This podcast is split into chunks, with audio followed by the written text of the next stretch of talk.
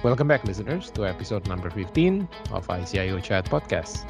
Bagi Anda yang baru bergabung, ICIO Chat adalah podcast di mana kita berbincang-bincang dengan para CIO maupun IT leaders di Indonesia. Tentunya untuk mendengarkan kisah perjalanan karir mereka, pengalaman bekerja, maupun juga guiding principles yang telah membantu mereka mencapai posisi mereka di saat ini.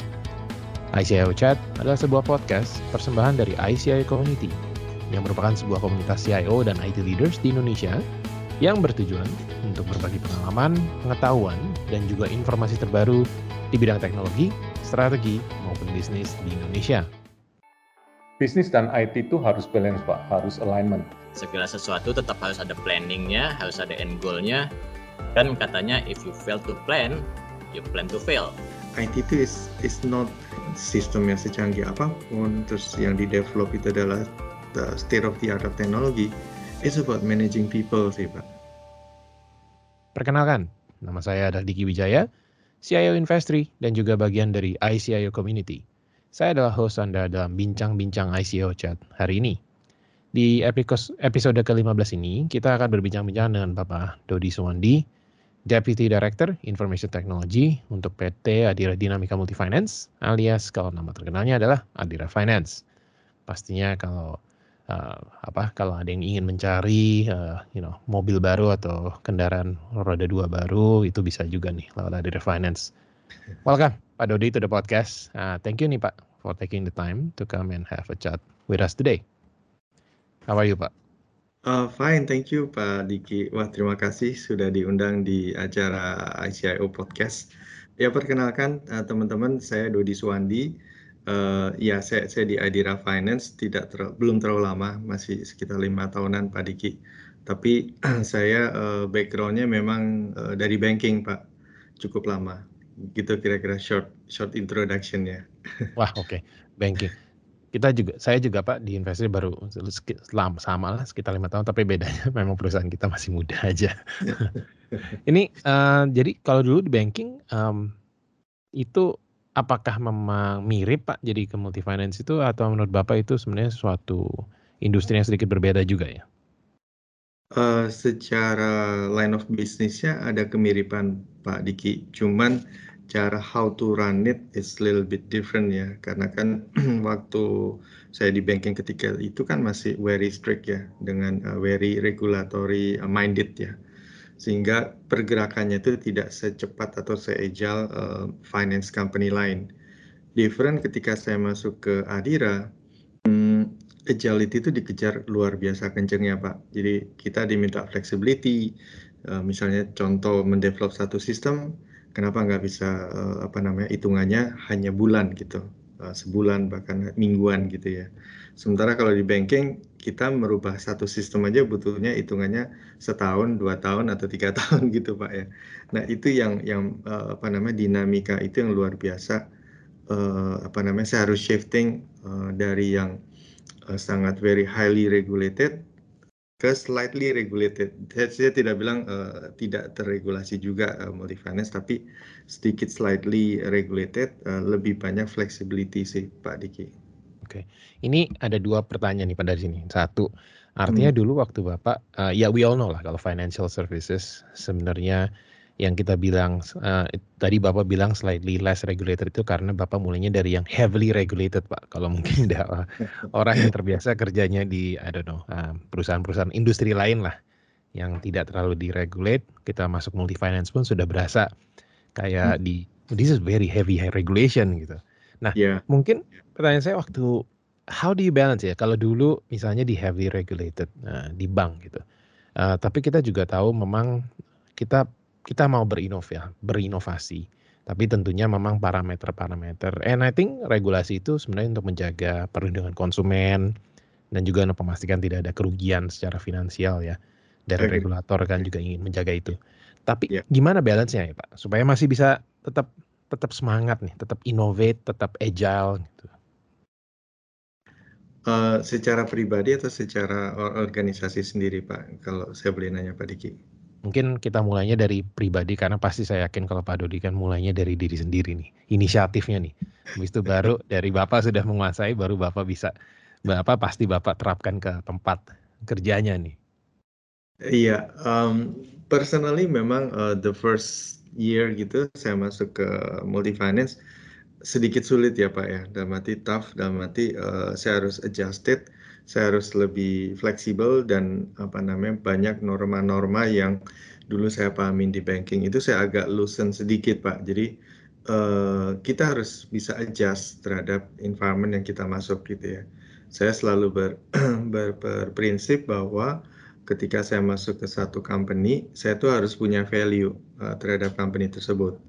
Dan kalau value tersebut tidak uh, mendukung uh, apa, uh, mensupport bisnis, so um, mm, saya maybe may not be the best person in that company gitu Pak. Jadi adjustment terhadap environment itu penting sekali sih Pak. Kita memang punya prinsip, kita punya fundamental, tapi things changing ya Pak ya.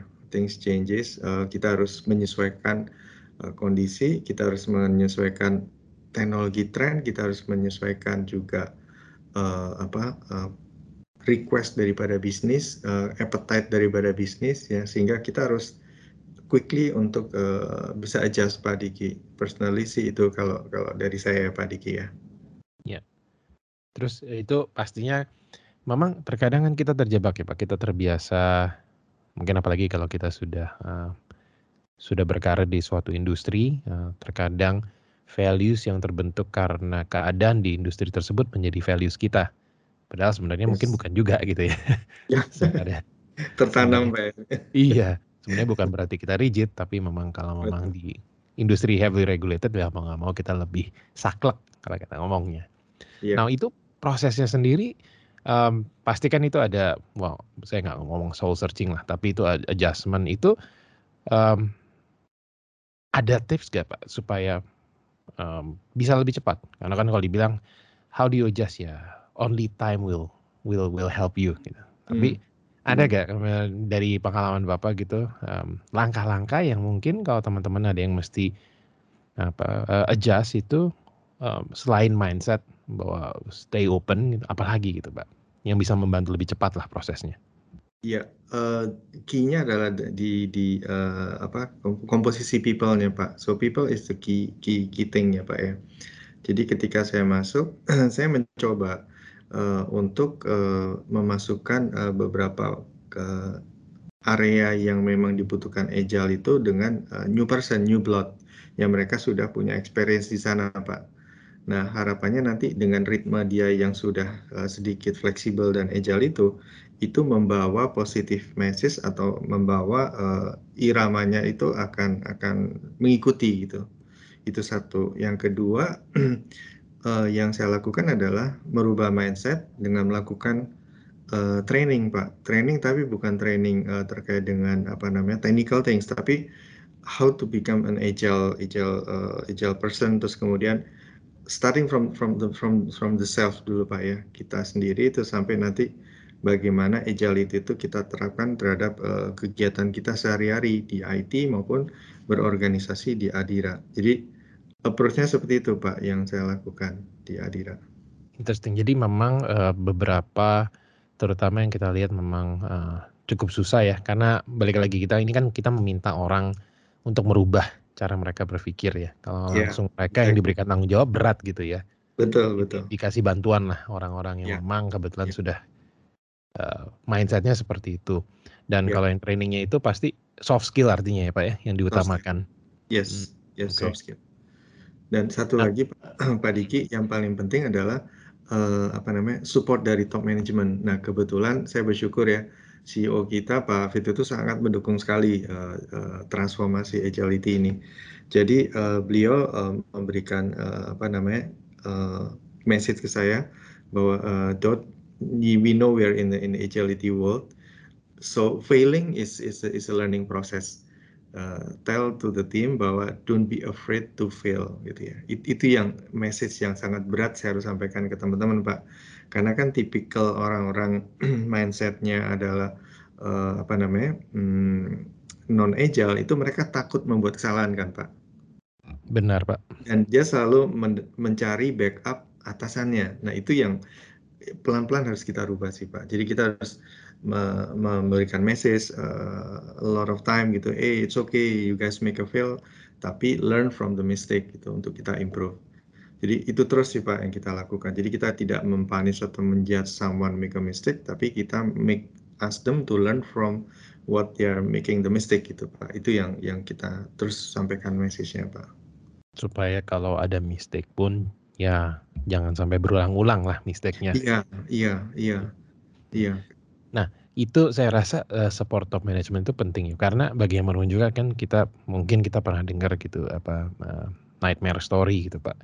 Uh, orang yang memang di hire sebagai new blood nih untuk uh, merubah mindset tetapi kebetulan tim yang di mana dia diminta untuk uh, membimbing atau mengubah apa dirubah atau diperbaiki, diimprove itu menolak ibaratnya uh, ditolak nih gaya barunya. Ah apa sih itu kita udah terbiasa seperti gaya hmm. lama kita. Betul. Nah, betul. Itu um, apakah memang ini gabungan antara top management support dan juga yang training soft skill ini itu sudah cukup atau memang tetap akan ada ini kejem banget kalau ngomong kesannya collateral damage gitu pak ya tapi pasti kan ada aja yang mungkin memang nggak cocok gitu nggak cocok sehingga mereka jadi merasa either mereka melawan terus-menerus atau mereka men menjadi apa ya bad bad influence atau memang selama ini cukup beruntung sehingga semuanya bisa berkembang gitu. Hmm, oke. Ya menarik sih Pak Pak Diki. Memang uh, saya menemukan juga satu dua case uh, di Adira ada teman-teman yang seperti itu. Aku rasa juga mungkin di beberapa company lain juga pasti ada ya karena orang yang mindsetnya adalah waterfall itu sangat sangat sulit banget untuk men-shifting their mindset into more agile gitu ya Pak ya. Nah, apa yang terjadi waktu training adalah itu uh, si trainernya itu memberikan assessment semacam penilaian lah Pak. Ini kira-kira orang ini bisa nggak dibentuk mindsetnya mengarah ke agility atau si orang ini udah nggak bisa karena udah letterless istilahnya dia tuh udah benar-benar waterfall banget yang dia nggak mau berubah gitu. Nah kalau orang-orang seperti itu itu kita tempatkan ada beberapa di Adira tuh sebenarnya proyeknya tuh nggak semua agile pak karena ada juga proyek yang memang kita uh, mau tidak mau kita manage harus secara uh, waterfall. Contoh ngebangun uh, apa namanya core system yang memang sudah rigid dan juga sudah tahu endingnya seperti apa gitu. Itu kan kita nggak bisa agile ya. Nah itu orang-orang itulah yang di sana. Cuman yang kita sampaikan mereka changesnya adalah hey guys uh, kita nggak akan paksakan kalian untuk lari cepat. Tapi minimal eh, proses-proses uh, yang uh, menjadi apa namanya uh, overhead yang terlalu banyak kalian bisa cut nggak timingnya gitu. Contoh misalnya kalau di Adira itu misalnya untuk yang waterfall requirement dari bisnis itu kita namakan harus ada BRD. Nah, bisa nggak request dari BRD itu kalian lakukan lebih cepat secara agile. Jadi approach-nya uh, kita bilangnya fast waterfall, Pak. Jadi fast waterfall secara uh, collecting requirement-nya di dalam business requirement development-nya itu kita lihat apakah bisa dilakukan secara partially ya develop, development dan deploymentnya? Kalau bisa ya itu is is, is good gitu. Karena itu uh, merubah sedikit mindset mereka yang tadinya full waterfall end to end ya. Tapi mereka sudah bisa mulai uh, istilah kita fast waterfall jadi partially deploy pak. Walaupun dan, hitungannya masih months gitu ya. Ini uh, fitur ini tiga bulan fitur ini empat bulan. Tapi uh, apa namanya bisa mulai uh, dirasakan oleh bisnis secara partially gitu. Dan lebih cepat pasti hasilnya. Ya, lebih Pak. cepat, ya. Um, lebih cepat ya, dari bandwidthnya, ya. ya. Capacity and bandwidthnya meningkat ya, itu pasti. Betul, betul, betul. Metodenya masih mereka cara lakukan secara SDLC, tapi kita uh, coba lakukan fast waterfall tadi Pak, supaya ada improvement. Itu untuk teman-teman yang memang udah mindsetnya maunya SDLC, itu ada projectnya juga. Nah teman-teman yang bisa dirombak mindsetnya menjadi agile, itu kita taruh ke project yang benar-benar agile. Kita put in in a squad, terus kita nanti appoint dia sebagai kita lihat apakah dia memang cocok sebagai Scrum Master atau dia sebagai Product Owner itu nanti akan di waktu itu dibantu assessment sama si consultant uh, agility training Pak. Oke, okay. itu kalau yang tadi um, waterfallnya di upgrade tuh kalau dahulu kapasitinya kayak curug ya Pak, sekarang jadi Niagara Falls tuh mungkin. Iya betul betul. Uh, menggabungkan uh, combining the the kita nggak bilang waterfall buruk lah. I mean at the end of the day waterfall sudah memberikan banyak sekali uh, yes. solusi yang bagus ya. Tapi yeah. tentunya yang kita coba cari um, apa sih yang kita bisa terus perbaiki ke masa yeah. depan. Yeah. Betul betul betul. Oke okay. oke. Okay. Nah uh, I think uh, another for the second part saya cuma mau bilang congratulations dulu nih Pak Dodi. Uh, amazing amazing achievement uh, dapat CSO 30 dan juga CIO 75 uh, ASEAN 2021. Uh, apa? Saya tahu ini pasti Bapak uh, if I know you correct apa if I, if I can guess Bapak pasti akan bilang ini ini ini memang kerjaan tim lah ini semuanya nih. Exactly. Tapi kan tadi ya. It's a teamwork, Pak. Iya. I'm just compiling uh, the the notes, Pak. the notes ya, yeah. compiling. Now, tapi tadi kan uh, kalau kita balik ke awal ya, Bapak bilang memang it's about uh, adjustment, changing juga gitu. Bapak juga Bapak sendiri juga harus adjust dan eventually your team juga harus adjust and at the end of the day kan kita cuma mencari apa sih cara yang paling baik moving forward and moving onward gitu. Now, yeah. uh, I think CSO 30 and CSO 75 is uh, it's it's it's a culmination kalau saya boleh uh, bukunya seperti itu nih Pak. It's culmination and validation of the process that you've done all these years ya kan sehingga um, sudah apa sudah jauh lebih baik gitu loh. Bukan jauh lebih baik lah sudah membaik. Ya, ada improvement lah gitu. Now thank you pak. Yeah. ya nah kalau pertanyaannya ini pak. Dari apa uh, untuk moving forwardnya lagi nih uh, sekarang kan bapak udah tadi udah sempat di share ada training juga bahkan yang apa assessment ya sampai tim apa uh, masing-masing individunya itu dia assess agar I think it's about putting the right people juga in the right role gitu. Now ada apa lagi nih Pak yang bisa di dicontek nih? Ini kan saya juga sebenarnya buat saya nyontek juga gitu, apalagi gitu kan langkah-langkahnya. How can I be a better uh, leader juga nih, IT leader? Iya, uh, everything is about trust sih Pak. Kita uh, once kita uh, put someone in uh, apa namanya uh, hot seat. Contoh misalnya kita punya project agile yang sesuatu semuanya baru, challenge-nya baru. Uh, someone in that seat is, is, a, is a hot seat kan Pak ya. So we have to give him a trust Pak. Uh, 100% trust karena agility itu is about uh, apa namanya uh, managing self self managing apa namanya uh, project ya Pak ya. Uh, tidak adanya maksudnya uh, oh ini arahan dari atasan harus begini developmentnya. Oh ini requirementnya harus begini. Uh, itu is a self managed project ya pak ya. Jadi kita harus memberikan trust ke mereka bahwa mereka tuh bisa. Itu sulit pak. Terus terang itu sulit. Karena kan kita terbiasa dengan uh, chain of command-nya adalah uh, top top down ya pak ya Nah, Betul. melepaskan itu yang sulit buat kita ya. Tapi anak-anak mungkin sih happy gitu ya. Wah, kita nggak dimonitor atasan nih, kita keberikan kebebasan bla bla bla bla. But for us ya, for for everybody I think ya, untuk melepas uh, trust ke mereka tuh awalnya sulit pak. Tapi you have to do it. Believe me, you have to do it. Dan uh, saya berikan itu ke mereka pak. Ya, itu satu. Terus kemudian saya selalu uh, kasih message ke mereka, uh, guys, uh, uh, intinya I will give you 100% support if you need anything. Ya, yeah. so give them comfort, Pak.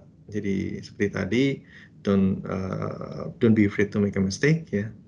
And you give them a full 100% trust. Itu yang penting sih, Pak. Karena at the end of the day adalah IT itu is is not sistem yang secanggih apa pun terus yang di develop itu adalah the state of the art of technology it's about managing people sih pak. Everything's about managing people dan you have to trust them itu kuncinya sih pak. Karena once mereka pick up the message wah speednya luar biasa pak. Saya saya surprise. Saya terus terang surprise uh, begitu uh, kita apa tentukan satu project dan proyek ini adalah uh, critical buat Adira dan kita putuskan pakai Agile, saya bentuk squad. Uh, project ini sudah hampir jalan sekitar enam bulanan ya. And amazingly Pak, speednya luar biasa Pak, dan semangat dari tim tuh luar biasa. Saya nggak pernah melihat sehappy mereka tuh sangat happy dan sangat energetik untuk ngejar project ini Pak.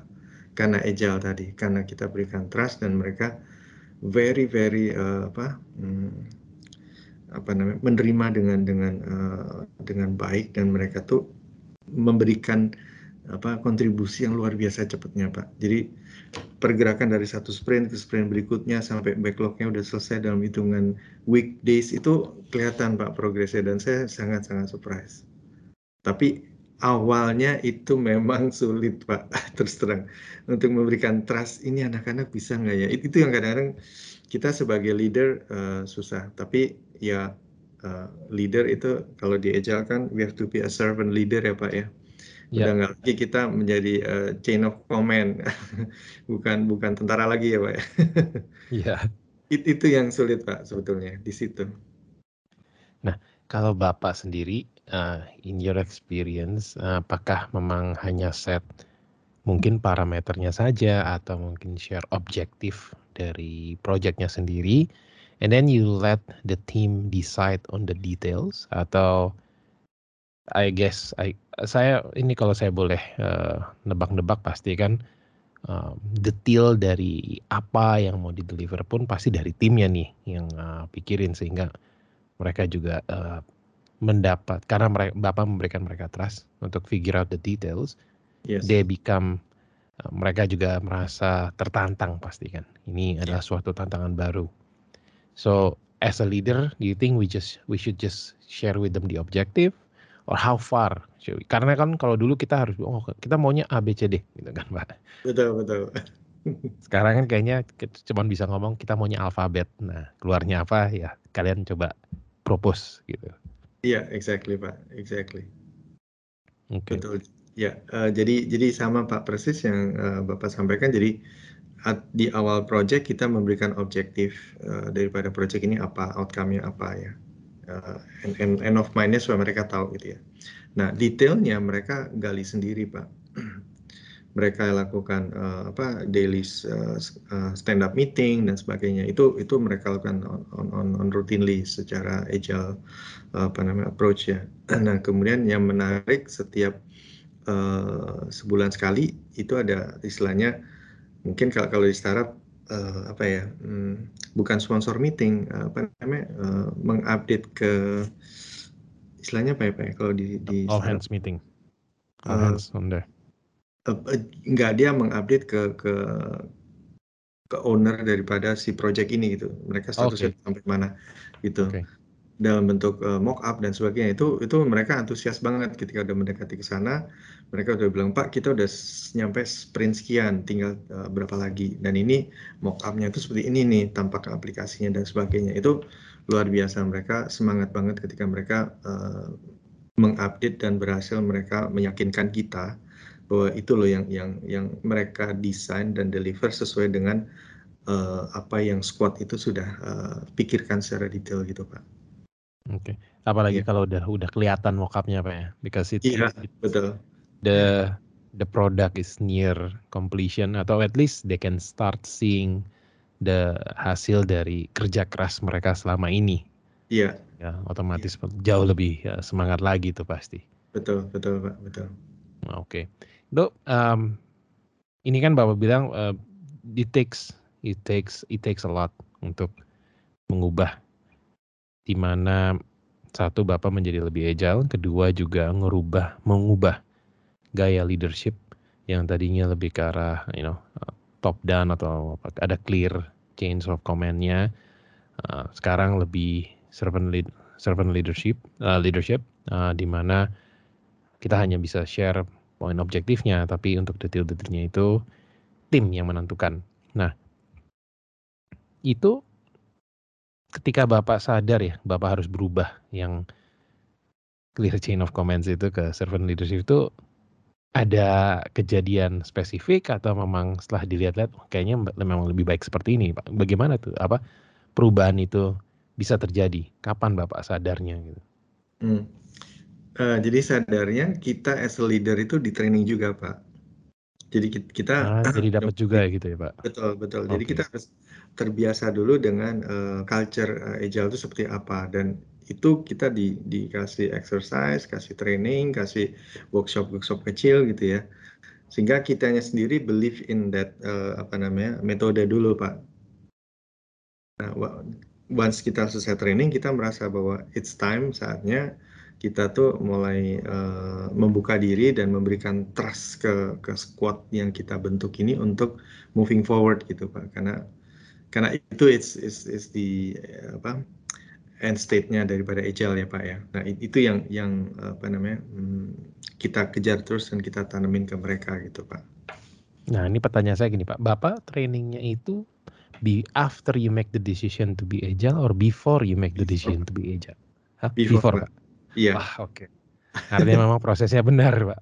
Iya. Training dulu, dipelajari dahulu, betul, cocok, betul. baru dijalanin gitu ya. Iya, iya, iya. Jadi kita sendiri harus believe in dulu, Pak. Dan kita sendiri ya. harus merubah mindset kita tadi uh, menjadi servant leader itu seperti apa gitu. Not easy sih, Pak. Tapi yeah. you have to do it. Iya, itu Bapak uh, waktu training itu semua pimpinan atau di maksudnya di tim IT saja atau termasuk uh, user-usernya juga? Uh, user ya jadi yang yang related jadi ada beberapa kita line of LOB head gitu ya uh, di sisi user LOB itu line of business head ya terus kemudian dari IT uh, saya dan juga leaders leaders IT di bawah saya juga ikut itu satu batch kemudian ada batch berikutnya yang uh, kita di deputy director level dengan direksi Sampai level direksi Pak, sampai Pak Hafid wow. pun ikut. Wow. Jadi Jarang-jarang, ya kan? Jadi memang uh, apa mindsetnya Adira uh, eh, IT project ini menjadi uh, small small step atau langkah kecil untuk merubah Adira ke depannya menjadi agile uh, organisasi Pak. It takes and I know it's it takes uh, maybe one or two years tapi we have to we have to go there Pak. Nah itu yang tadinya saya mau nanya itu, itu dugaan saya pasti cukup lama tuh pasti kan? Iya betul. Pasti, ya itu bukan digital transformation, itu agile transformation itu. Yes, yes, betul pak, betul. Jadi uh, dari dari company, dari uh, eh, HR director kita start di agile di project ini di IT dulu. Nanti uh, bertahap itu akan menjadi uh, secara menyeluruh culture Adira itu akan akan ke depannya akan menjadi culture yang organisasi yang agile tadi agile transformation seperti Pak Diki sampaikan. Iya, ya memang karena um, mungkin itu juga adalah menyamakan persepsi juga ya Pak, di iya. mana ya. uh, semua orang juga mau dibilang agile, semua orang mau dibilang inovatif, tapi definisinya mungkin beda-beda dan thresholdnya, standarnya juga beda-beda.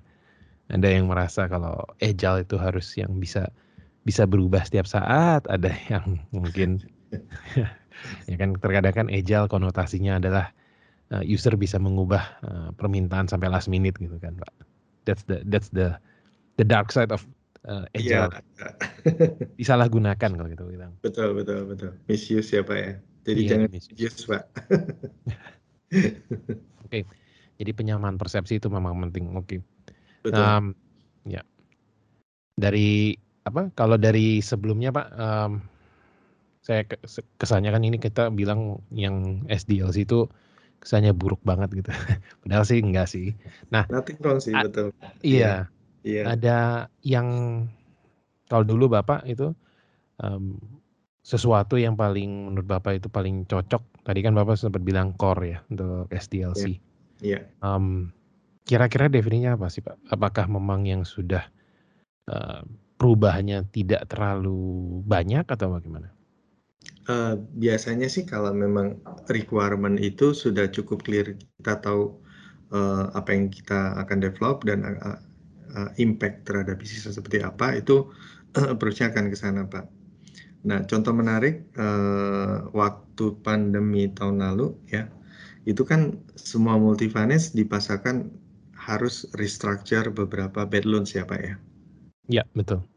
Nah, karena pandemi uh, customer kita kan uh, dibatasi untuk datang ke kantor cabang ya.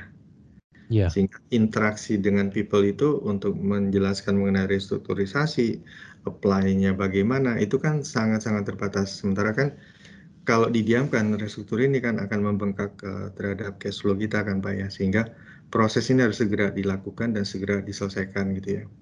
Nah apa yang terjadi um, waktu itu kita belum belum fully agile ya kita mencoba oke okay, ini ada tantangan uh, dari bisnis dari Pak Afid langsung ini ada ada pro, uh, ada uh, project restrukturisasi ya gimana caranya customer kita itu tanpa harus datang ke cabang, tapi mereka bisa dengan mudah apply uh, mengajukan restruktur, restruktur kredit.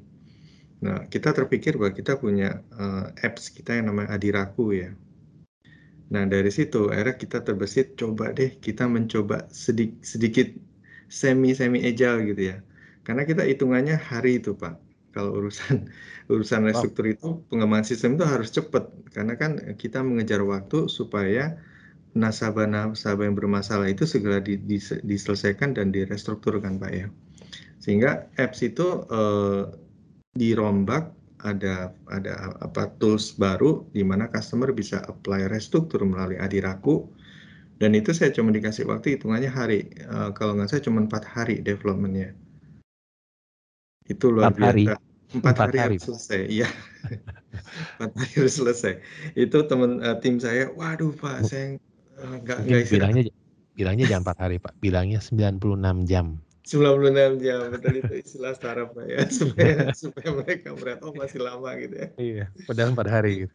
Iya, tapi uh, ternyata uh, dengan kita melakukan mencoba uh, daily stand up dan sebagainya, kita kontrol uh, daily check in, daily check out ya. Terus kemudian uh, timnya juga kita apa approach secara sedikit agile untuk melakukan developmentnya requirement dari bisnis juga uh, tidak pakai BRD jadi tim bisnis itu involved di dalam pengembangan aplikasinya pak. Jadi uh, langsung kelihatan mockupnya lu mau yang kayak gini nggak? Oh nggak gue maunya hitungannya gini. Langsung dirubah di saat itu juga. Dan itu progresif banget pak. Uh, mereka tuh working days and nights untuk ngedapetin empat hari itu selesai. Dan bareng-bareng pasti ya itu bareng kolaborasi.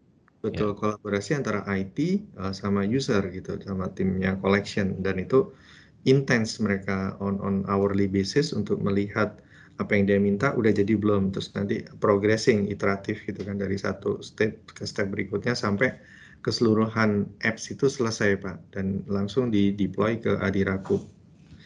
Itu luar biasa. Kita capek tapi at the end of the day kita happy. Karena kita bisa uh, apa um, submit ke OJK bahwa kita uh, sudah bisa melakukan apply restruktur itu tanpa harus ketemu dengan orang. Jadi pakai adiraku. Hitungannya gimana dan sebagainya itu udah muncul semua di apps adiraku mereka di reject atau di approve di, di reject ya kenapa terus kemudian kalau approve tanda tangannya itu udah tanda tangan pakai elektronik dan sebagainya itu uh, very happy customer karena dia keterbatasan dengan uh, apa waktu dan ruang nggak bisa ketemu orang-orang kita mereka happy banget pak. Ya dan mungkin mereka juga nggak pengen nggak pengen keluar di rumah juga waktu betul, itu. Betul, betul, betul. Dan dan dari teman-teman collection sangat terbantukan karena proses restrukturisasi itu dengan cepat kita bisa selesaikan. Jadi banyak yang masuk dan banyak udah mulai diselesaikan dengan baik sehingga eh, waktu itu kita mulai restruktur itu sekitar bulan Juni ya tahun lalu. By the end of the year di Desember tahun lalu itu udah selesai semua, Pak. Dan, ya, dan di ini. Desember tahun lalu itu selesai semua, tinggal menyisakan mungkin sekitar nggak sampai satu dua persen.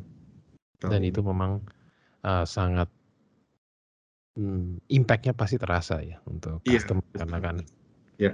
memang keadaannya. Iya. Dan dari situ mungkin mungkin keadaan kali pak ya, keadaan memaksakan kita untuk merubah. Jadi pandemi one thing uh, kita sedih melihat orang apa terdampak dan sebagainya, tapi pandemi itu kayaknya memaksa kita menjadi ya ejal secara dadakan gitu pak ya iya. mendadak yeah. ejal gitu ya kayak kayak film apa film-film apa mendadak dangdut tapi ini mendadak ejal gitu pak mendadak ejal dan ya betul dan uh, banyak sekali memang perubahan uh, cara kerja itu jadi sekarang jadi kesannya normal gitu pak ya setelah yeah. setelah satu tahun setengah itu jadi kayak normal yes yang yes. agile yang ya ya remote meeting lah remote meeting sekarang orang yes. kayaknya udah terbiasa sekali gitu yes karena Dulu kayak, speed developer itu kan kita nggak tahu ya Pak. Ternyata setelah mereka uh, full time WFH kayak tahun lalu, itu speednya luar biasa Pak. Dan amazingly uh, mereka uh, bekerja itu around the clock gitu. Sampai jam 2 pagi, 3 pagi gitu ya. Terus langsung dites, langsung usernya juga involved Pak di situ. Jam 4 pagi begitu selesai usernya ngeliat, oh benar udah udah selesai nih. Oke, lanjut ke uh, apa story berikutnya terus gitu sampai selesai storynya mungkin distractionnya juga kurang kalau di kantor mungkin ya kalau kita lihat pasti di kantor minimal ada perjalanan ke kantor perjalanan pulang ya ya ya ya betul betul betul ya memang tapi mungkin yang kita sadari nggak bisa selamanya juga eh, momen-momen uh, tertentu bisa lah um, ya. mungkin kalau saya lihatnya ini at least sekarang kita jadi tahu Pak, apa kalau jurus tuh kita jadi ada jurusnya beberapa, nggak cuma satu lagi gitu kan. Um, yeah.